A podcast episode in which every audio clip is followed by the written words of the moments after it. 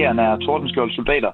Det er de samme øh, soldater, der bliver marcheret rundt igen og igen. Så bilder man sig selv ind på politisk plan, at man kan løse flere og flere opgaver ved at øh, samme mand bare får flere og flere kasketter på. Og øh, Lynes væsentligste pointe er jo, at vi kan ikke udsende ret meget mere end øh, en bataljon ad gangen, og i det, der skal skiftes ud i den, jamen, så er hele herren faktisk øh, næsten bragt i knæ. Øhm, og det er jo også et billede, jeg kan genkende. Ja, sådan siger Anders Krøjgaard Lund, som er premierløjtnant og delingsfører ved Slesvigske Fodregiment i Haderslev. Det gør han på baggrund af det interview, som vi bragte i sidste uge med brigadegeneral Henrik Lyne, som fortalte, at hæren er tæt på at være bragt i knæ på grund af de mange ekstra opgaver, som særligt krigen i Ukraine har medført. Vi har også spurgt en række politikere og andre chefer i hæren, men den eneste, som ville man kan måske sige tur, stille op, var den unge premierløjtnant i Haderslev. Touché til ham, som du skal høre lidt senere i programmet. Så tyder noget jo på, at der ikke er lang tid til et kommende folketingsvalg, og samtidig er forhandlingerne om et nyt forsvarsforlig gået i gang. Derfor har vi sendt en mail til alle partierne, om de vil fortælle om deres politiske visioner forud for indgåelsen af det nye forsvarsforlig, som altså efter planen først skal være på plads med udgangen af næste år. Dansk Folkeparti var hurtigt til at sige ja, så partiets nye forsvarsordfører skal du møde til sidst i programmet. Du lytter i øjeblikket til Frontlinjen. Mit navn er Peter Ernst Ved Rasmussen. Velkommen til. Men vi begynder med en vision og en plan, som forsvarsminister Morten Bødskov lanceret torsdag på flodstation Korsør. Nærmere betegnet stod han på helikopterdækket af fregatten Peter Villemos, da han for pressen præsenterede et nyt og storstilet partnerskab, som fremadrettet skal gøre det muligt at bygge søværnets kommende skibe i Danmark. Baggrunden er de planlagte og langsigtede investeringer af søværnet over de kommende 20, 30, 40 år, som løber op i svimlende summer. Et øh, forsigtigt estimat på, hvad det koster løber op i over 40 milliarder øh, kroner. Og vil det være fantastisk, hvis vi kunne sikre, at flest mulige af de penge gik til at investere ikke bare i dansk forsvar, men også dansk øh, industri og dermed øh, danske arbejdspladser. Kunne være med til at sikre en stærk dansk øh, forsvarsindustri, og ikke mindst et stærkt dansk forsvar, som kan få det øh, materiel, øh, der skal til, og som er helt centralt for, at vi kan forsvare os selv. Og det er derfor, vi er samlet her i dag med lanceringen af det nye maritime partnerskab, øh, og det enorme, enorme potentiale, potentiale, som det rummer.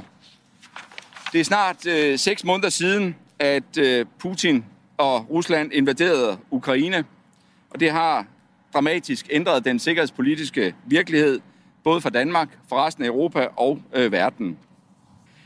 Vi har samlet alle markante spillere på området i vores nye partnerskab. Og sammen, ja, der skal vi være med til at sikre, at Danmark kan udvikle, kan designe og kan bygge nu vores egne overlovsfartøjer. Så vi kan sikre en stærk forsyningssikkerhed, og på samme tid også kan være med til at sikre, at vi kan styrke dansk, den danske maritime sektor. Og det giver god mening, for som sagt, forude, der ligger der investeringer på op imod 40 milliarder kroner. Investeringer, som dansk forsvarsindustri skal være med til at sikre, bliver brugt øh, bedst muligt. Det kræver stærke tekniske kompetencer. Det kræver høj avanceret viden og helt særlig evne til at udvikle nye innovative løsninger, når det kommer til det, det her handler om, nemlig fremtidens skibsindustri. Partnerskabets opgave det bliver at analysere, hvordan vi bedst muligt kan nå og ambitionerne, hvordan de indfries. Har vi de rigtige uddannelser? Hvilke kompetencer har vi brug for? Hvilke hindringer er der, for at vi kan nå målet for dansk industri? Og hvilke spørgsmål er det, vi skal tage fat på?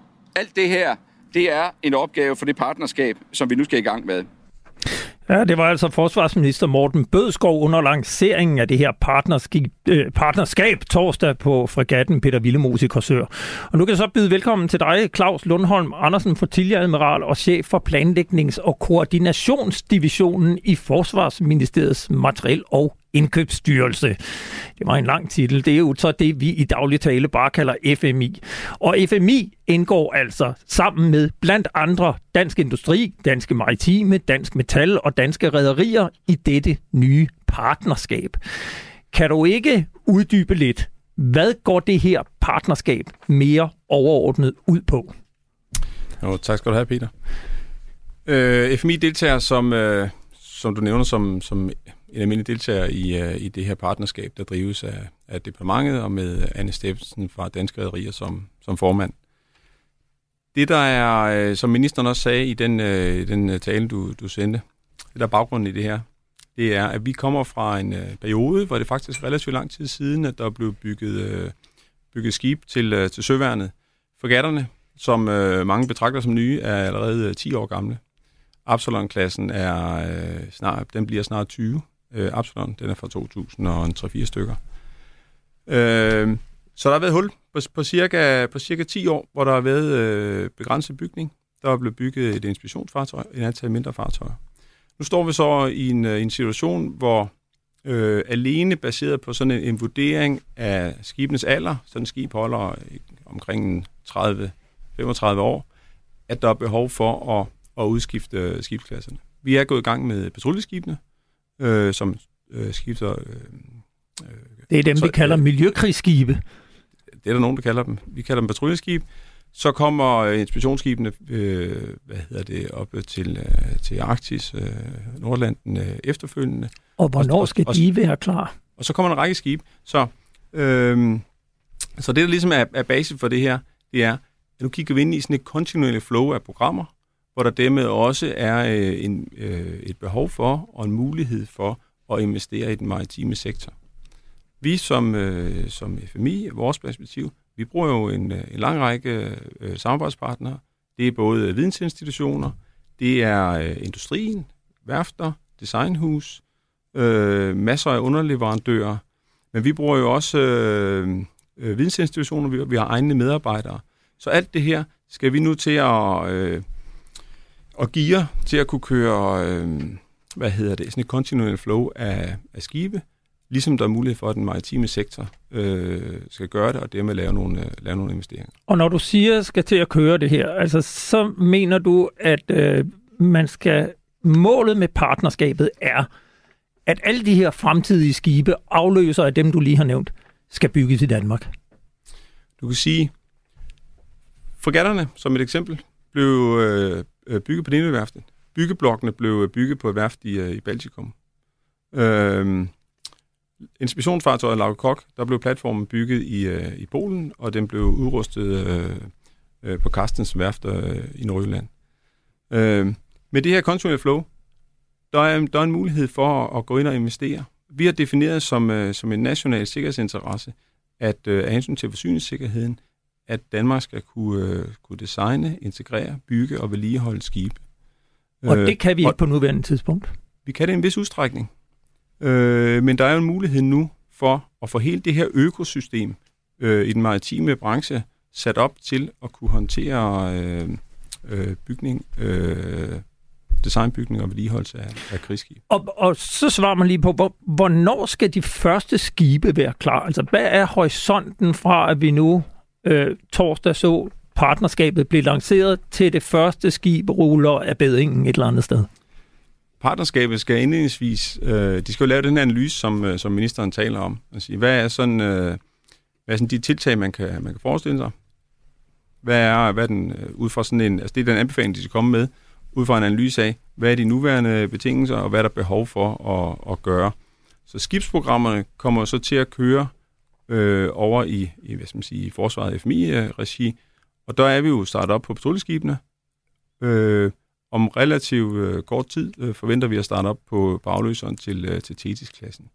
Og Thetis-klassen, det er så øh, inspektionsskibene? Det er inspektionsskibene. Ja. Det, er, det er rigtigt. Så der er ikke, sådan, der er ikke en, en, øh, en egentlig aftale om, men uden hvor, at, hvornår, at, hvornår skal forskellige skibstyper leveres. Øh, men, men det her, det er sådan et 20-25-årigt øh, perspektiv. Men bare så jeg lige forstår, så den helt overordnet er med på, du kan ikke stå her og lægge hovedet på blokken. Hvad taler vi om? Taler vi 10, 15, 20 år før vi ser et 100% dansk skibet, dansk bygget skib? Jeg vil nødt sætte procenter på og sige, at det skal være 100% øh, dansk bygget. Men det kan godt være, at en større del af værdikæden kan komme ind til, øh, til dansk industri. Der, der, der, der, der er en lang række øh, dele af sådan et skib, som, øh, øh, altså et krigsskib samlet set, som, som, øh, som vi ikke nødvendigvis har kompetencer til i, i Danmark. Altså det her, det fører lidt tankerne hen på Orlovsværftet, som øh, var søværnets eget drift, der lå på flodstationen Holmen i København. Det blev etableret i 1500-tallet af Kong Hans og lukket i 1992. Den seneste bygning var ubåden Nordkaberen i 1970, og frem til sin lukning var det alene et reparationsværft. Øh, værftet byggede blandt andet kongeskibet Dannebro og panserskibet Olfert Fischer, mens korvetterne Niels Juhl, Olfert Fischer og Peter Stortenskjold alle blev bygget på Aalborg Værft. Er det her i virkeligheden grundsten til, at man ønsker at genetablere et dansk overlovsværft? Ikke meget bekendt. Øh, vi opererer jo under gældende, gældende regler og, øh, og lovgivning, herunder EU-lovgivning anvendelse af undtagelsen øh, til at anvende EU-udbud, altså den såkaldte øh, EU-artikel 346, øh, begrundet i, at det skal være en, en national øh, sikkerhedsinteresse. Øh, men, men, men dermed ikke sagt, at man bare kan lave nogle ting. Det skal stadigvæk være på, øh, på markedsvilkår. Så eksempelvis, hvis man vælger at bruge artikel 346, lave øh, en eller anden form for skibsbygning i Danmark, så skal der stadig være en konkurrencesituation indenunder. Og, og til, øh, til partnerskabets øh, lanceringen var industrien også øh, hvad skal man sige, rimelig eksplicit om, at de skal kooperere på markedsvilkår, ellers, øh, ellers er det ikke bæredygtigt. Selvom det er mange penge, der bliver talt om i den her, øh, den her, sådan, øh, det her investeringsperspektiv, så er det ikke nødvendigvis nok til at holde en hel, øh, en helt maritim øh, sektor kørende. Der skal jo også andre ordre til. Så bare så jeg forstår dig ret, så ser du ikke i krystalkuglen, at man skal skabe et nyt værft, der kan bygge de her skibe. Man skal udnytte de eksisterende værfter. Jamen, det, det må jo være op til industrien at finde ud af, hvordan de vil organisere sig. Om der er mulighed for nye, hvad ved jeg, nye selskabsdannelser eller, eller noget. Det er ikke noget, øh, vi som, øh, som statslig myndighed går ind og, og, og blander os i. Nu tror jeg, jeg vil sige uh, tak til dig, fordi du øh, kom ind og gjorde os klogere på, lidt klogere i hvert fald, på partnerskabet. Claus Lundholm Andersen, flotilleadmiral og chef for planlægnings- og koordinationsdivisionen i Forsvarsministeriets Materiel- og Indkøbsstyrelse. Tak skal du have. Ja, tak. Så øh, kan jeg jo så samtidig byde velkommen til de to andre i studiet her. Det er dig, Johan Mosgaard, EU-chef i Dansk Metal. I er gået med i det her partnerskab, øh, øh, og derfor går jeg så også ud fra, at du mener, at det er en fremragende idé. Hvorfor? Men øh, det er klart, måske lige to ord hvem, øh, om, hvem vi er. Vi er jo en, øh, en organisation, der repræsenterer mange medlemmer både i forsvaret og i forsvarsindustrien, og det er jo smeden, svejseren, industriteknikeren, flymekanikeren, alle dem, der skal bygge vores forsvarsforlig og bygger, kan man sige, den danske eksport og produktion ude i Produktionsdanmark og Vandkens Danmark.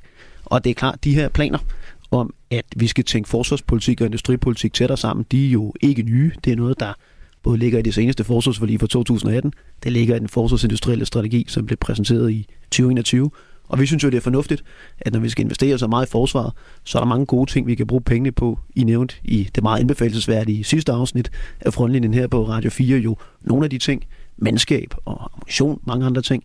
Men det er klart, hvis der også kan komme nogle danske arbejdspladser ud af det her i Produktionsdanmark, så er vi jo rigtig glade. Og, og bare så vi forstår det ret, altså som fagforening, så er det simpelthen fordi I ser øh, medarbejdere og måske endda medlemskaber ved, at man får øh, øget hele det her produktionsdanmark, der skal bygge skibe, og måske også lave ammunitionsfabrikker, hvad ved jeg, på lang sigt? Nej, jeg tror, man, man, man kan vel sige det på en måde, sikkerhed og arbejdspladser skal hænge sammen. Der er jo ingen grund til, at øh, altså, det, det, skal være, det skal være bæredygtigt. Det synes jeg også, vi, vi fik meget videre af, af FMI øh, før. Her der hænger sikkerhed og arbejdspladser jo i den grad sammen. Forsyningssikkerhed er et nøgleord, det er der over hele Europa. Vi har set under coronakrisen, hvor vigtigt det er at have produktion på egen hænder.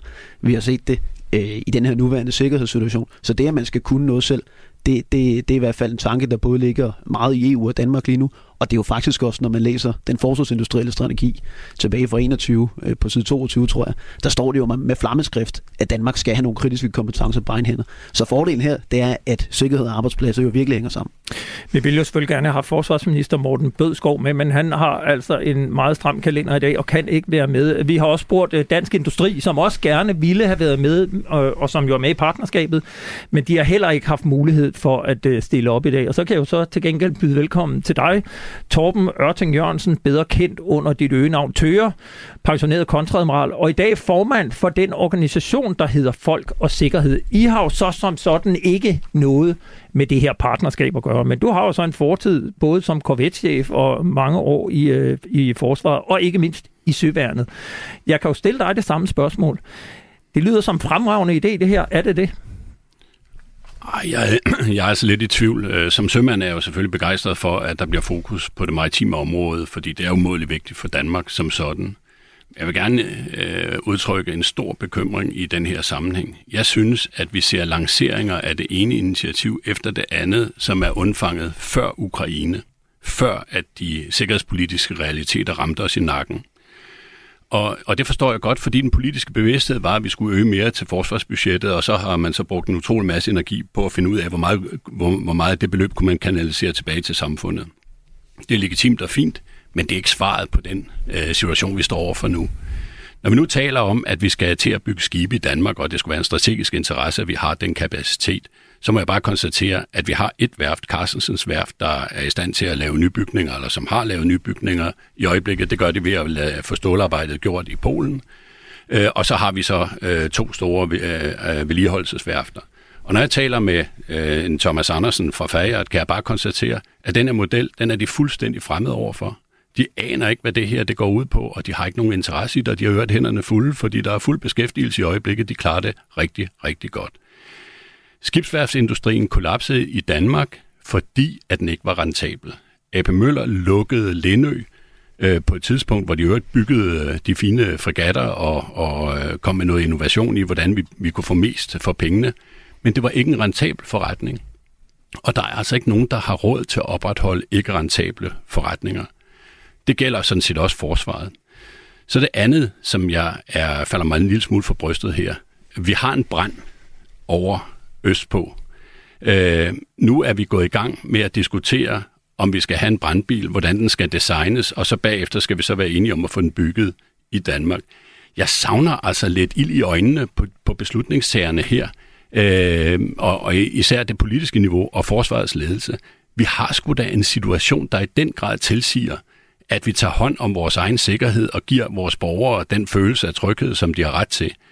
Er det så ved at starte en vision, som øh, rækker ud, og som man først skal til at finde ud af, om vi som, øh, som flåde kan bygge i Danmark, samtidig med, at den organisation, som formanden for det her udvalg sidder på, Dansk Rederiforening, i øvrigt bygger deres skibe alle mulige andre steder end i Europa.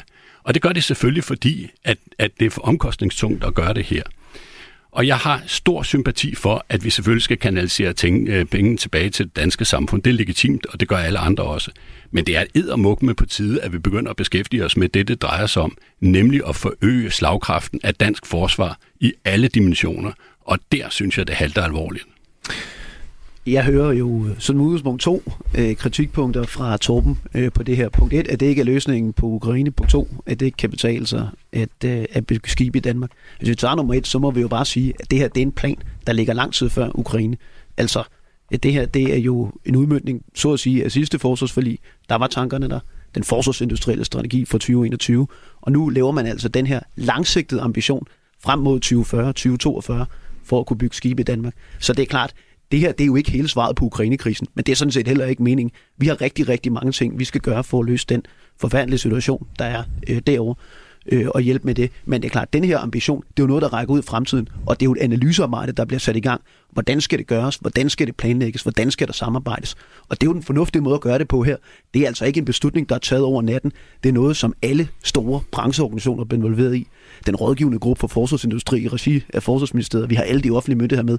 Her er alle gode kræfter altså trådt sammen, så det er meget langsigtet. Så, så det er helt klart, det er slet ikke øh, det eneste svar på Ukrainekrisen. Det er sådan set overhovedet heller ikke meningen med det, så, så hvis vi lige kan få med den i jorden.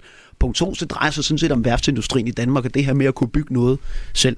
Det er helt korrekt, at mange danske værfter kollapsede primært fordi de ikke de var meget arbejdskraftintensive. Vi har selv mange folk i metal, der arbejder på de her øh, værfter, inklusive vores øh, forbundsformand. Det vi ser nu, det er jo, at mange industriarbejdspladser begynder at komme tilbage til Danmark igen. Det kan vi mærke i industrien, særligt fordi der jo ikke øh, er særlig mange hænder, øh, øh, fordi vi ikke har nok faglærte. Der er rigtig mange virksomheder, der vælger at flytte produktion hjem. Det er jo i høj grad på grund af den robotisering, der sker derude. Der er siddet et maritim vækstteam på blandt andet Fyn, som har fået investeret massivt i robotter, sådan så vi kan trække produktion hjem. Det er noget af det, der gør, at hvis vi kigger ud i den helt lange horisont, som det her jo er, frem mod 2040-2042, så forventer vi altså, at værftsindustrien i Danmark kan blive meget konkurrencedygtig igen.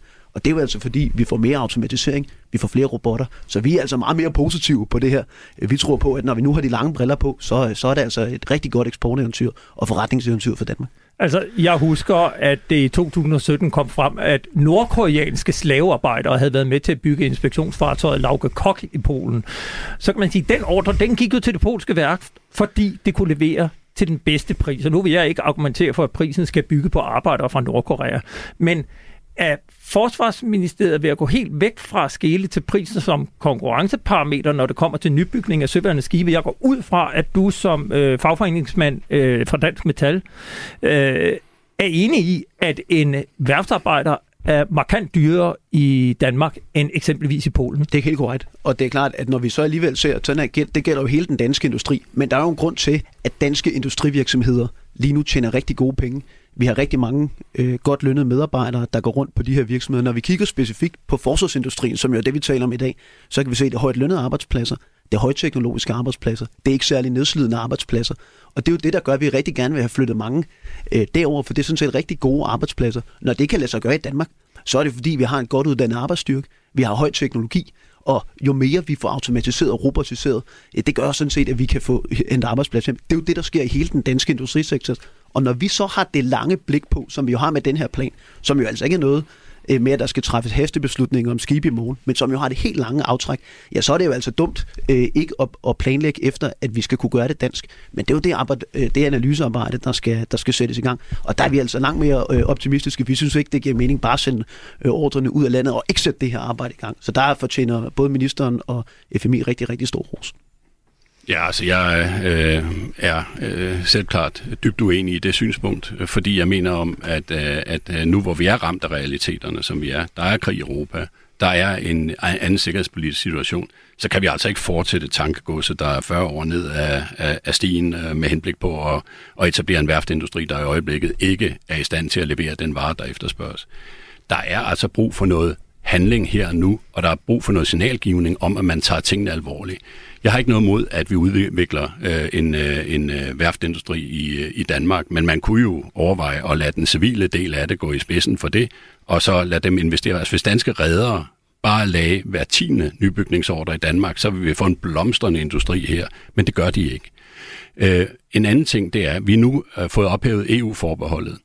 Og det giver altså mulighed for nogle andre former for samarbejde, sådan som man har oplevet i, i, øh, med Flensborg Værft, hvor øh, underleverandører kommer fra Danmark og andre tilsvarende tiltag. Vi kommer til at lave helt andre samarbejdsmetoder, øh, hvis vi skal holde priserne nede og kunne producere effektivt og billigt. Og det kan vi ikke gøre bare ved at betragte Danmark som en isoleret ø. Jeg kunne godt lige tænke mig at spille et kortklip her med Lars Sandal Sørensen, formand for Dansk Industri, som også var til stede på øh, helikopterdækket på Peter Villemos i torsdags. Det er kun gennem privat og offentlig samarbejde mellem i det her tilfælde øh, forsvaret og danske virksomheder, at vi kan finde de bedste løsninger. Og der skal ikke være nogen tvivl om, at vi fra dansk erhvervsliv og dansk industri er helt bag det her, øh, både i forhold til at udvikle og bygge øh, øh, dette materiel, men også at blive ved med at videreudvikle det, og måske oven i købet kunne få en eksporthistorie til at blive en realitet, baseret på danske virksomheder, danske arbejdspladser i fællesskab med forsvaret. Så tak for, at bolden nu er på banen, øh, ikke bare sådan i tankerne, men i virkeligheden, og at pengene oven i købet langt hen ad vejen er afsat. Ja, han taler altså om, at der er mulighed for et eksporteventyr, og, og man kan sige, noget af det, der jo ofte er til hinder for at komme i gang med et eksporteventyr, det er, at pengene ikke er der her. Får vi at vide af ministeren, at man vil afsætte de 40 milliarder i omegnen af det i hvert fald over de næste mange, mange år. Hvad er til hinder for, at det bliver et eksporteventyr, Torben Møjting Jørgensen? Jamen altså, det er virkelig et spørgsmål om, hvad vi har mest brug for. I øjeblikket taler vi, som du selv taler om, det her miljøpatruljeskib, som er det, der ligger på bedingen. Det er en kombination af et overskib og et øh, miljøindhentningsfartøj, der også konceptionelt, øh, konceptionelt ligesom øh, den her plan er udviklet, før den sikkerhedspolitiske realitet ramte os i nakken. Vi har brug for en slagkraftig enhed, der kan øh, føre tilsyn med vores historiske stræderegime. Det har vi ikke i øjeblikket, og det får vi heller ikke, som det ligger i øjeblikket med den her trepattede ko, som kan sejle 17 knop, som ligger på tegnbrættet nu, og som Ukraine af god grund fravalgte, øh, fordi at den ikke løser de øh, opgaver, som, øh, som man designmæssigt øh, havde, havde, havde brug for. Min pointe er, at vi skal være realister, ikke? der er ikke noget, der kan samle os mere, end hvis vi kan skaffe sådan øh, en, en, en stemning om, at øh, hvor vi hiver i klaphatten og siger, at Danmark kan det hele på den halve tid, og vi er meget dygtige og meget mere effektive osv. osv. Man kan altså godt putte en lille smule realitetssans ind, og hvis man ikke kan det, så kan man jo i hvert fald se på den sikkerhedspolitiske situation, for den tilsiger handling frem for nu visioner og langsigtede planer. Så, så bare så forstår du ret, din kritik, den går egentlig mere på øh, tidsperspektivet, og ikke så meget det, at man faktisk gerne vil bygge skibe i Danmark? Jamen, det står jo frit for at, at byde ind. Vi har en, en, en dygtig nicheindustri inden for forsvarsindustrien. Vi har jo ikke en forsvarsindustri, der dækker det hele. Øh, det at bygge et skib er jo i sig selv ikke en strategisk kapacitet. En hver tosse kan øh, bygge efter en tegning. Det er udviklingen af design, det er alle de ting, der skal på, øh, proppes i den, der er det afgørende. Og der kan godt være, at der sidder mange øh, medarbejdere fra Dansk Metal i det der, og, og, og det vil de også gøre i morgen, og, og de kan være underleverandører til et hvilket som helst projekt, øh, der kommer et hvilket som helst projekt fra. Men det, der er behov for i øjeblikket, det er da, at der er fra politisk hold og fra regeringsside bliver sendt nogle klare signaler om, at man er klar over, hvor alvorlig situationen er at, at de folk, som hamster jodtabletter efterhånden, kan begynde at føle, at der er nogen, der, der tager det her alvorligt og begynder at fokusere på den del af det. Jeg kunne godt lige tænke mig at spille et kort klip med din forbundsformand, Claus Jensen fra i torsdags på fregatten Peter Villemos. Jeg ved ikke, om du kan, du kan tåle flere takker, men i hvert fald øh, tak for, at regeringen går i spidsen og sammen med forlispartierne er med til at skabe øh, grobund for, efter min bedste overbevisning, et nyt eksporteventyr. Hvis vi griber det her rigtigt an, så ved vi jo, at der er mangel på værfter i Europa. Der er lukket utrolig mange værfter gennem de sidste 30-40 år, og efterhånden som de forskellige flåder, også set i lyset af stigende trusler rundt om i verden, har behov for flere forsvarsskib, så vil der være et potentiale for, at vi også med de her 40 milliarder kroner og en lang ordrehorisont i ryggen, kan bringe danske leverandører helt i front og gøre dem konkurrencedygtige med nogle af de bedste øh, forsvarsprodukter til søs. Ja, Johan Mosgaard, EU-chef i, øh, i Dansk Metal. Er det simpelthen den våde drøm, at øh, det her det bliver det store, nye danske eksporteventyr, hvor jeres medlemmer kan få masser af gode jobs? Det, det har det jo potentiale til, netop fordi der er en lang øh, tidshorisont. Det er jo ikke noget, der man skal, man skal gøre over natten, men det er derfor, det er godt, man tager nogle skridt nu. Og jeg kan lige svare på det, som uh, Torben sagde med, at, vi, at han efterlyser nogle øh, samarbejdsflader uh, og, og mere realitetssans. Altså, det er jo det, det her samarbejde er. Her er det jo altså alle aktører i Danmark. Det er rædderier, det er industri, det er værfternes organisation, det er FMI, det er Forsvarsministeriet, det er de danske ministerier og frembevægelsen der altså alle sammen går sammen i et samarbejde. Så hvis vi efterlyser samarbejdsflader, så er det jo altså lige det samarbejde, vi har her. Og så kan man sige, hvis man skal bruge, nu kan vi jo godt lide at bruge soldater, metaforer her i øh, frontlinjen på, på ret Præcis, kom med den. Når, nu er det altså alle soldaterne, der går, der går i en retning, og Torben, der går i en anden retning, så kan man sige, at det er den ene soldat, der siger, at det er alle de andre, der ikke går i takt. Det kunne jo også godt være, at, at der rent faktisk var noget realitetssans i det, når nu alle aktører øh, er så enige om, at det her det er den rigtige vej at gå, og der faktisk godt kan være både noget, der er til gavn for den sikkerhed, også til gavn for danske arbejdspladser på den lange sigt. Lemminge går også i takt, og de går som regel ud over en klippe på et eller andet tidspunkt og ned i afgrunden. Så øh, det ikke at gå i takt, det tager jeg som en, en, en, en gave. Jeg repræsenterer en organisation, som beskæftiger sig med sikkerhedspolitik og forsvarspolitik. Vores medlemmer er bare bekymrede. Du kan have alle divisioner og alt muligt andet for, at vi fra en øh, stenet grund skal bygge en ny industri op, som vi har lukket ned, fordi den ikke var rentabel. Det øh, er fint nok. Jeg vil bare gerne se nogle konkret handling i form af, at vi får noget, der gavner til vores egen tryghed og sikkerhed, og det har jeg svært ved at skulle se. Vi, skulle vi så ikke aftale øh, gøre en masse for Ukraine nu, og så sørge for at investere en masse, så vi kan få værtsudsikringer også. Jeg kommer til at øh, bide jer af her, men jeg vil sige tak, fordi I kom ind. Begge to, Johan Mosgaard, EU-chef i Dansk Metal, og Torben Ørting Jørgensen, pensioneret kontradmiral og formand for Folk og Sikkerhed. Tak, fordi I kom.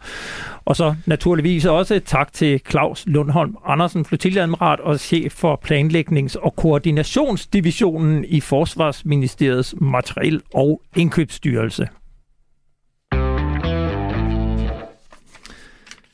Og så kan jeg jo fortælle, at øh, mit navn er Peter Hans Ved Rasmussen. Du lytter i øjeblikket til frontlinjen her på Radio 4. I sidste uge kunne du høre et interview med brigadegeneral Henrik Lyne, som tør godt sige, tog bladet fra munden og gav sin analyse af, hvordan det står til i hæren her et halvt år efter, at Rusland invaderede Ukraine. Vi er tæt på at være bragt i knæ i hæren, og det billede, jeg kan tegne, er jo, at at sende den enhed til, en ballon til Letland, som vi har gjort, det kræver faktisk, at hæren trækker på alle sine kapacitet og sine ressourcer. Og det synes jeg er tankevækkende, at for at sende 1000 mand ud, så skal man faktisk trække på en hel hær. Det siger jo lidt om, hvor vi står henne. Og det synes jeg jo er fattigt, at vi er kommet dertil, at vi får at kunne opstille sådan to ballioner, så skal vi stort set pilse resten af hæren. Ja, vi ville rigtig gerne have enten forsvarschef Flemming Lentfer eller forsvarsminister Morten Bødskov til at forholde sig til den kritik, som Henrik Lyne fremkommer med. Men Flemming Lentfer takker pænt nej til at stille op til interview, og det gør Morten Bødskov også, fordi han ifølge sin særlige rådgiver har en totalt proppet kalender i dag. Så i stedet har vi forsøgt at få fat i en række forsvarsordfører fra de politiske partier på Christiansborg. Venstres Lars Christian Lilleholdt har simpelthen fortravlt i dag. De konservatives Rasmus Jarlov er på Grønland, og Socialdemokratiets Mogens Jensen har ganske enkelt ikke svaret på min henvendelse. Så har vi prøvet i det militære system. Oberst Mads Rabeck er chef for den kongelige livgarde, men da han hverken har lyttet til interviewet eller læst mit lange interview med Henrik Lyne i forsvarsmediet Olfi, så takker han nej. Det samme gør den nytiltrådte chef for Slesvigske Fodregiment, Oberst Lars Nygaard. Han mener ikke, at det tilkommer ham som helt nytiltrådt chef at kommentere Henrik Lynes kritik, og det kan man så måske lidt bedre forstå. Og så er det jo, at vi ender hos dig, Nils Tønning. Du, det, er da, det er da godt, man kan være stand Ja, for præcis. Ikke? Du er formand for hovedorganisationen og officer i Danmark, og jeg er rigtig glad for, at du vil være med. Og jeg vil nok have haft dig med under alle omstændigheder, men jeg kunne friste til at spørge, hvorfor tror du, det er så svært at få nogen til at stille op og kommentere mit interview med Henrik Lyne, som vi altså bragte i sidste uge? Det er, jeg tror, det er lidt fordi, at uh, interviewet er det for, det, for det første, så er det jo rigtigt, det der bliver sagt i det. Men altså, det kommer jo som en hund i et spil kejler midt i nogle forlisforhandlinger, som ingen aner om, hvor de er henne. Og de har formentlig ikke engang set det militærfaglige råd endnu. Uh, de er nødt til at tage det alvorligt, uanset hvad. Men jeg tror, det er derfor, at de er lidt tilbageholdende på nuværende tidspunkt. Inden vi skal tale om de udfordringer, som dine medlemmer står overfor, så skal vi lige høre fra en af dem. Det er premierløjtnant Anders Krøgaard Lund, som er delingsfører ved Slesvigske Fodregiment i Haderslev. Jeg spurgte ham, om han har set noget til alle de goder, som statsminister Mette Frederiksen lovede ved præsentationen af det nationale kompromis om dansk sikkerhedspolitik i marts. Dengang sagde statsministeren, at en strakspulje på 7 milliarder kroner fordelt over to år ville styrke forsvaret, øge robustheden og fylde lagerne op. Så hvordan har Anders Krøjgaard Lund oplevet det i Haderslev? Altså i praksis har jeg ikke oplevet det. Øh, det kan jeg ikke øh, på nogen som helst plan sige. Der var muligvis et, øh, et ekstra lavpunkt i ammunitionsbeholdningen for et års tid siden. Men altså, det er jo ikke sådan, at øh, vi har fået mere materiel af den grund. Øh, vi har stadigvæk øh, fejl og mangler, og det er stadigvæk øh, noget gammelt isenkram, vi flytter rundt på. Så øh, læste og øh, læste du interviewet med øh, Henrik Lyne, øh, snart næstkommende i Herkommandoen, og hørt måske også interviewet her i Radio 4. Hvad tænkte du, da du læste det? Jamen, jeg tænkte, hans øh, kritik øh, på, på mange punkter er noget, jeg kan genkende, fordi det, han jo egentlig skriver, det er, at her er tordenskjold soldater. Det er de samme øh, soldater, der bliver marcheret rundt igen og igen, så bilder man sig selv ind på politisk plan, at man kan løse flere og flere opgaver ved at øh, samme mand bare får flere og flere kasketter på. Og øh, Lynes væsentligste pointe er jo, at vi kan ikke udsende ret meget mere end øh, en bataljon ad gangen, og i det, der skal skiftes ud i den, jamen, så er hele herren faktisk øh, næsten bragt i knæ. Øhm, og det er jo også et billede, jeg kan genkende, fordi man flytter jo så bare de andre operative opgaver i øh, rundt. Øh, og så til sidst, så må vi jo pille tiden. Det eneste sted, vi kan pille tiden, øh, det er jo så øh, grøn tid i felten. Jamen, kan, du, kan du ikke prøve at uddybe det lidt? Du er delingsfører ved Slesvigske Fodregiment. Hvordan oplever du, at, øh, at der er for lidt tid? Jamen, øh, helt konkret, så øh, har vi fået en, øh, vil jeg tillade mig at sige, en øh, hovsopgave. Øh, en øh, opgave med meget kort varsel, hvor vi skulle agere momenter, altså øh, figuranter, dem der skal være øh, modstandere og civile osv. i et øvelsespil. Og den øh, varsel, øh, det varsel, vi fik der, var meget kort, øh, lige inden sommerferien, at vi skulle starte op efter sommerferien med at være momenter i, øh, i øh, 10 dage. Og det lyder måske ikke af meget, men øh, andet halvår i øh, 2022, der, det består som regel af, af 6 måneder, som halvår. Men øh, juli, det er sommerferie, så er der kun 5 måneder tilbage. Så er der jul og efterårsferie, og så i praksis er man nede på kun at have 4 måneders øh, disponibel tid. Og hvis jeg skal sende alle mine soldater ud og være momenter i øh, to gange fem dage, så skal de også afspacere to gange fem dage efterfølgende. Og det koster altså fire uger, altså samlet set næsten en måned.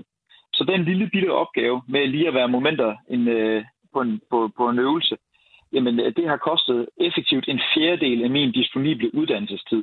Og hvad og betyder det? det? Jamen, det betyder jo, at der er nogle ting, jeg ikke kan lade være med at gøre. Jeg kan ikke lade være med at bemande vagten, når vi får besked på det. Jeg kan ikke lade være med at lave øh, eftersyn på vores køretøjer. Og jeg kan ikke lade være med at møde op til obligatoriske sikkerhedsbelæringer osv. Det er faktisk det eneste sted, at jeg kan pille, øh, altså reducere tid og flytte tid. Det er tid i felten, det er tid på skydebanen, og øh, det er jo det, som jeg vil betragte som, som øh, vores eksistensberettigelse. Det er jo det, der gør, at vi bliver gode soldater, øh, gode infanterister, der at vi kan komme ud og være i felten og træne. Og, og, og jeg må så øh, melde videre til min chef, der så også melde, melde videre opad, at der er simpelthen nogle øh, uddannelsesmål, vi ikke når i år. Altså min enhed bliver ikke nær så dygtig, som den kunne have været, fordi vi øh, skal deltage til diverse øh, ekstra aktiviteter, som ikke var planlagt fra starten, og fordi der ikke må blive udbetalt overarbejde, og mine soldater, der gerne vil være i felten, skal hjemme og afspacere, i stedet for at få udbetalt overarbejde, og komme tilbage og være i skoven og være på skydebanen. Hvilke andre konsekvenser oplever du af, at hæren er så presset, som den er? Og der tænker jeg ikke kun på dit mandskab, men også på materiel, køretøj, våben, ammunition, alt det her. Jamen øh, konkret i Haderslev, så er vi jo et øh, genopstartet regiment, så det betyder, at øh, våbenkammerne, udover at være ikke eksisterende, og først skulle bygges, så efterfølgende skal fyldes op. Og nogle gange har vi været heldige at få noget nyt materiel øh, direkte fra fabrikken, øh, og det er selvfølgelig altid en fornøjelse. Men, men rigtig meget materiellet er også noget, der kommer fra andre regimenter. Og øh, især køretøjssiden, øh, øh, på køretøjssiden, der er det jo ikke den bedste lastbil, et andet regiment sender ned til os det er som regel, øh, det er i hvert fald mit indtryk, øh, den ringeste. Ja, altså sådan siger Anders Krøgaard Lund, som er premierløjtnant og delingsfører ved Slesvigske Fodregiment.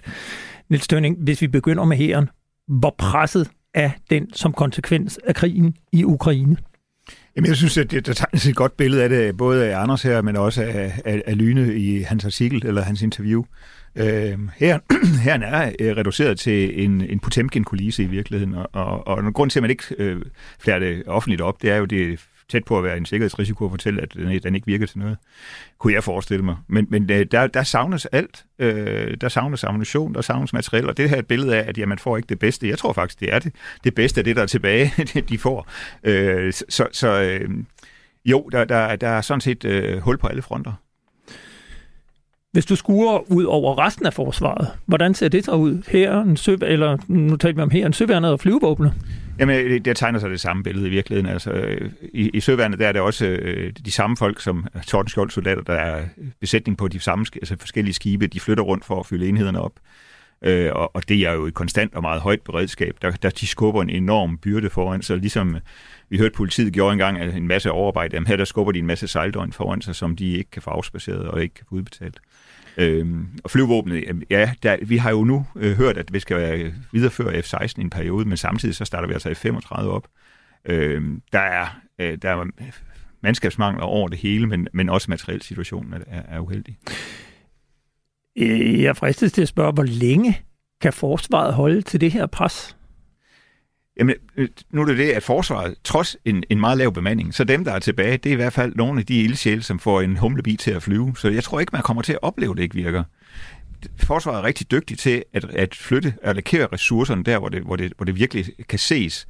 Men det betyder jo bare, som også andre siger, at øh, den udda- det uddannelsesniveau, som er på den resterende styrke, er så lavt, at det ikke giver mening faktisk.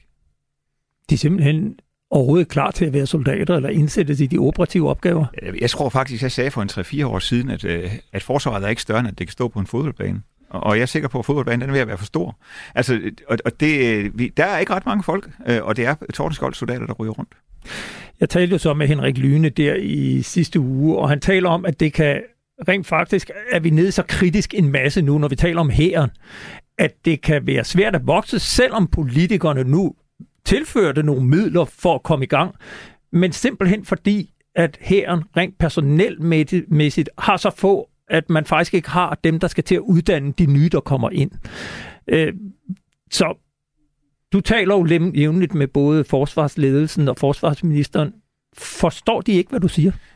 Jeg er i hvert fald sikker på, at budskabet kommer over, men jeg har svært ved at se handlingen endnu. Jeg sendte en, øh, et notat til forsvarschefen lige før jul og sagde, at det her det er nogle straks handlinger, der er nødvendige, hvis du skal rette op på skuden. Og hvad skrev du i det? Hvad, var nødvendigt? Jamen, jeg, lidt det samme, som jeg også sagde til Morten Bødskov på det sidste møde, jeg havde med ham. De der 7 milliarder, gå ud og ansætte alle dem, der rækker hånden op og siger, at de gerne vil være officer eller befalingsmænd. For dem skal du bruge om to år, så skal de altså ansættes nu.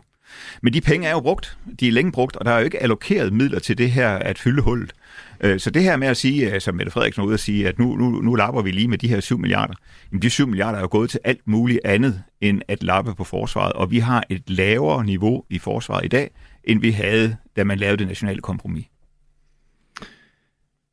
Jeg kan ikke lade være med at spekulere på, hvordan kan der være så stor en diskrepans mellem, hvad du siger, og Henrik Lyne siger, og hvad jeg hører rundt om i systemet, og så det, der kommer ud af forsvarsledelsen og Forsvarsministeriets top. Altså her er meldingen jo, at det går strålende, og danske soldater gør det fremragende. Og, og, det, og det, begge dele er rigtigt. Altså det går jo går fantastisk godt med, med de opgaver, vi får stillet, dem løser vi. Altså du kan ikke pege på en eneste opgave, der ikke bliver løst. Øh, og, og ja, øh, vi har de bedste soldater endnu, øh, men, men det er jo en stakket frist. Øh, og det er, som jeg siger, det er jo på bekostning af de, det, det som umiddelbart ikke er prioriteret. Øh, og, det, og det er, at man kan sige, jamen, det, det ser vi jo først produktet af om lang tid i virkeligheden, hvis ikke øh, at der sker en opretning. Så det er en sådan status på forsvaret af nu øh, sensommeren 2022, hvad er den? Jamen den er, at uh, the window of opportunity, altså muligheden for at handle i ret tid, sådan at vi har en god affarende plads for næste forlig, den er ved at være forspildt. Den er vel forspildt? Men ellers skal man godt nok gå i gang nu, og så skal man uh, virkelig gå ud. Altså sige, vi har jo sådan set været til de hold af sergeanter og officerer, som skal starte i år. Så, så jeg vil sige, ja, nu kan vi først agere næste år. Men der er løsninger på alt. Det, det tog trods alt ikke amerikanerne 11 år at komme fra Pearl Harbor til Berlin. Så hvis man vil det her, så kan man bare nationalt prioritere, og så få afsat de nødvendige ressourcer. Og som Henrik Lyne siger, det kommer til at kræve penge, det kommer til at kræve mange penge, bare at få forsvaret på det niveau, man egentlig aftalte i sidste forlig. Jeg fortalte, at vi øh, har forsøgt at få en række politikere til at svare på kritikken fra Henrik Lyne, og det har så ikke rigtig været muligt, hvis man ser bort fra en enkelt forsvarsordfører. Det er dig, Alex Arnsen, et af de få tilbageværende medlemmer i Dansk Folkeparti. Det skal vi ikke tale om nu, men, men jeg vil gerne spørge dig, hvad tænker du, når du hører interviewet med Henrik Lyne og hører her formanden for officererne, Nils Tønning, forklare, hvad konsekvensen er af alle de her ekstra opgaver, der er tilført forsvaret siden udbruddet af krigen i Ukraine? Hej, og tak fordi jeg mm, må være med. Jeg vil lige skynde mig at sige, at jeg først for nylig er blevet forsvarsordfører. Præcis. Så hvis der er nogle huller i min viden, så, uh, så skyldes det ja. derfor, og ikke fordi jeg ikke interesserer mig for området. Så til uh, dit spørgsmål, jeg er meget enig med dem. Uh, det er også det, hvor folk uh, har fået fortalt af de kontakter, vi har i herren. Det stemmer fuldstændig overens med det, uh, vi har uh, indhentet af informationer, og som uh, mine folk i partiet har fortalt mig. Uh, jeg er faktisk lidt ikke overrasket. Det uh, Forsvaret i Danmark er udsultet. Det har det ikke godt. Og det er inden for 5-10 år, at vi skal have gjort noget radikalt, ellers så, så kan vi ikke forsvare os selv. Det var en meget lang øh, tidshorisont, hvis du øh, spørger mig. Og nu er jeg med på, at du er helt nytiltrådt forsvarsordfører. Jeg havde også Dansk Folkepartis forsvarsordfører med i en debat på Folkemødet. Der hed han Christian Thulesen Dahl. Så du er undskyld på det forhold. Men nu er du så ny forsvarsordfører. Hvad gør du, eller kan du gøre for at ændre på de her forhold?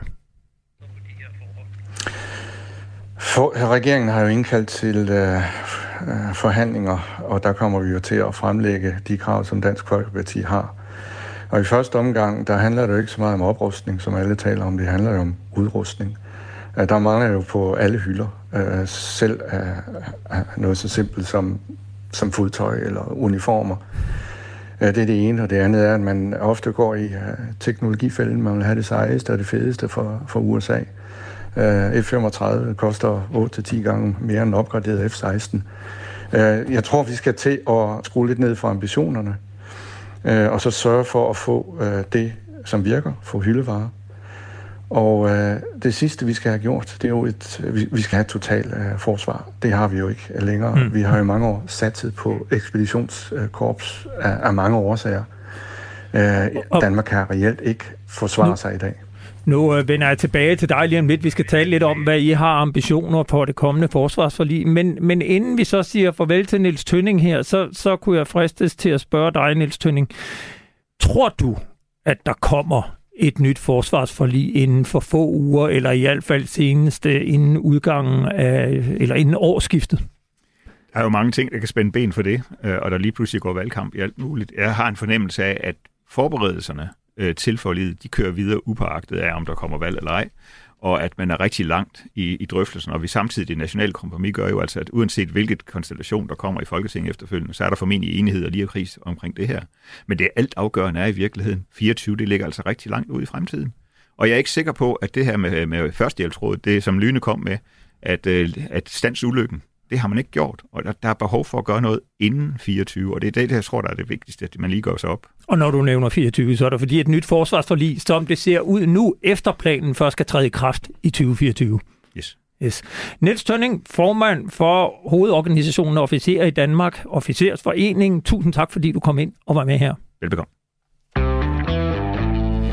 Der er formentlig bare få uger til det kommende folketingsvalg, og måske endnu kortere tid til indgåelsen af et nyt forsvarsforlig. Vi ved det ikke. Det eksisterende forlig løber frem til udgangen af næste år, men et øget pres på krigen i Ukraine har med meget stor sandsynlighed rykket hele processen mange måneder frem. Og derfor prøver vi altså at række ud til partierne for at høre, hvilke visioner de har på forsvarsområdet, og hvilke mærkesager de ønsker at bringe med til forhandlingsbordet om et nyt forsvarsforlig. Og så er vi altså glade for, at vi har dig med, Alex Arnsen, ny forsvarsordfører i Dansk Folkeparti. Kan du ikke først fortælle os, hvad er Dansk Folkepartis vigtigste ønsker til kommende forsvarsforlig, som altså ifølge det nationale kompromis skal nå op på 2% inden udgangen af 2033? Uh, altså, der er jo en række ønsker. For det første, så tror jeg, at vi skal lytte til forsvaret, når de siger, at vi skal rykke af det nye forsvarsforlig frem. Det haster, og det skyldes jo Ukrainekrigen, øh, og det skyldes truslen fra Rusland. Det haster også at få et totalt forsvar. Øh, det har vi ikke i dag. Det haster at få opgraderet hjemmeværnet, så det kan blive en del af totalforsvaret.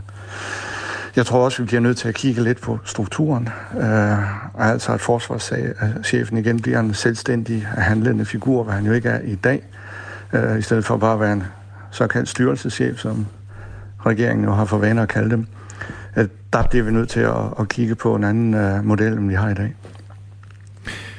Nu siger du, nu, nu siger du så, at øh, forsvaret anbefaler, at man kommer i gang hurtigst nu. Er det så øh, noget, du siger på baggrund af det, vi lige har hørt fra Henrik øh, Lyne og øh, Niels Tønning, eller er det forsvarschefen selv, der over for jer i, øh, i forlispartierne har sagt, at det er vigtigt at handle nu? Jeg har ikke talt med forsvarschefen, men det, som jeg har hørt i radioen i dag, stemmer meget godt overens med det, som øh, vores kontakter i forsvaret har fortalt os. Mm. Og vi har en, en lang række kontakter, der har, der har hjulpet os. Øh, og altså, Um, grunden til, at jeg sagde 5-10 år før, det skyldes jo, at det tager jo også tid at uddanne. Det tager tid at få officerer på plads. Um, vi er bare bagefter på rigtig mange punkter, ikke bare på, på udrustningen. På, altså, vores forsyningslinjer har vi heller ikke sikret, mm. uh, fordi vi er så afhængige af USA. Vi har ikke store aftaler med Tyskland eller Norge eller Sverige, hvilket vil være bedre for os. Der er så mange udfordringer, så det, det haster med at komme i gang. Altså, jeg er fuldstændig enig. Mm. Men man taler jo meget, og det gør også brigadegeneral Henrik Lyne, om de her rammevilkår. Altså, der mangler våben, der mangler ammunition, der mangler køretøjer, materiel, etablissementer, logistik, og ikke mindst øh, ved vi også, der har været rigtig dårlig mad serveret på forsvarets tjenestesteder. Jeg kunne godt tænke mig at spørge dig, øh, når du kigger ind i det kommende forsvarsforlig, er det så først og fremmest det, der skal bringes op på øh, niveau? Eller går I også med tanker om nye kapaciteter? Altså din forgænger Søren Espersen, som var forsvarsordfører før Christian Tulsendal, han har jo i øvrigt selv sejlet ubåde. Han var meget optaget af, at øh, Danmark øh, skulle til at genanskaffe nogle ubåde. Er det stadigvæk en mærkesag for Dansk Folkeparti?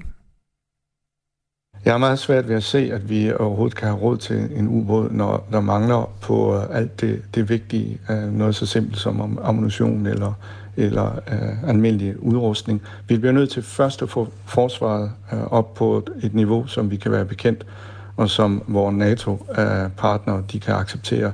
De, NATO er ret kritisk over for øh, den standard, dans, øh, det danske forsvar har. Danmark kan ikke investere i på alle fronter. Og jeg vil ønske, at vi havde råd til ubåde. Det kan godt være, at vi får det øh, på sigt, men lige nu og her, der handler det om at redde forsvaret, udruste, få det op på et sted, så vi kan forsvare os selv. Og det med at forsvare sig selv, det øh, kræver jo i hvert fald øh, noget mere end det, vi har nu. Når man øh, taler forsvarsforlig og Dansk Folkeparti, så plejer det også at være et øh, stort ønske for jer, at vi får øh, genindført den mere traditionelle værnepligt. Altså den er på øje, i øjeblikket på fire måneder. Hvor meget fylder værnepligten i de ønsker, som I måtte tage med til forhandlingsbordet, når forhandlingerne om et nyt forsvarsforlig går i gang? Det er ret afgørende. Altså lige nu, der er det jo kun 2-3 procent, der reelt, er en overgang, der reelt er, er inde af deres værnepligt. Det er jo alt for lidt, og når det samtidig så kun er de der fire måneder, øh, går det jo ikke. Så vi vil have forlænget værnepligten. Vi vil gerne op på 9, og så vil vi gerne have øh, langt flere, altså 9 måneder, og så vil vi gerne have langt flere øh, indkaldt. Det kommer til at koste, men det er nødvendigt, hvis det er, at vi skal have et totalt forsvar, hvis vi, kan, hvis vi skal kunne forsvare os selv. Og når du så ellers kigger ud over forsvaret, og, og nu har vi talt meget om, hvad der mangler, mangler altså bare for at komme op på niveau. Er der andre øh, kapaciteter, som øh, I mener, det er vigtigt at se på øh, i det næste forlig? Det kunne være fly, det kunne være specielle skibe, eller hvad ved jeg? Ja, altså vi bliver jo selvfølgelig nødt til at kigge på flyene. Nu har vi jo indkøbt øh, F-35, og det er jo et fantastisk femte generations fly. Spørgsmålet er, om vi ikke også skal investere i nogle opgraderede F-16'er, som øh, kan lettere afvise øh, indtrængende fly fra blandt andet Rusland. Det tror jeg, vi skal kunne. Så det andet, vi skal kigge på, det er selvfølgelig af flåden. Det er jo vigtigt, at vi har nogle fregatter, især med henblik på øh, Arktis, som bliver mere og mere øh, vigtigt. Der har jeg meget svært ved at se, hvordan vi kan have råd til for eksempel ubåde. Der må vi så indgå øh, øh samarbejdsaftaler med andre lande. Jeg håber også på, at vi kan øh, lave nogle tætte samarbejdsaftaler med Norge, Sverige, eventuelt Tyskland, England. Et tæt samarbejde. De er tæt på. De kan sikre forsyningen. Der er fremragende øh, våbenproducenter der. De kan øh, øh, øh, levere det, vi har brug for. Og så selvfølgelig øh, en stærk opbakning fra USA, som jo er lidt udfordret for os, øh, udfordrende for os på grund af de lange forsyningslinjer. Vi har ikke så lang tid tilbage. Jeg har et øh, mi- minut til dig, så dit øh, store ønske for de kommende uger og måneder, hvad er det? Det er, at vi får et øh, forsvar, øh, som øh, er en del af dagligdagen i Danmark, som vi kan være stolte af, og som NATO øh, om to eller tre år vil rose og sige, nu kører det. Nu er det UG krydseslangen. Og det kan godt være, at der går lidt tid, før vi oplever det. Jeg mener, at den næste analyse af øh, det danske forsvar fra NATO's side, den må være lige på trapperne. Jeg vil under alle omstændigheder sige tusind tak til dig, Alex Arnsen, Dansk Folkeparti, forsvarsordfører, forholdsvis nyudnævnt forsvarsordfører, fordi du vil være med i frontlinjen i dag. Selv tak, det var en fornøjelse. Det var godt. Og så har vi ikke rigtig mere at byde på i denne udgave af Frontlinjen her på Radio 4. Programmet blev lavet i samarbejde med journalist Miriam Legaard Jacobsen.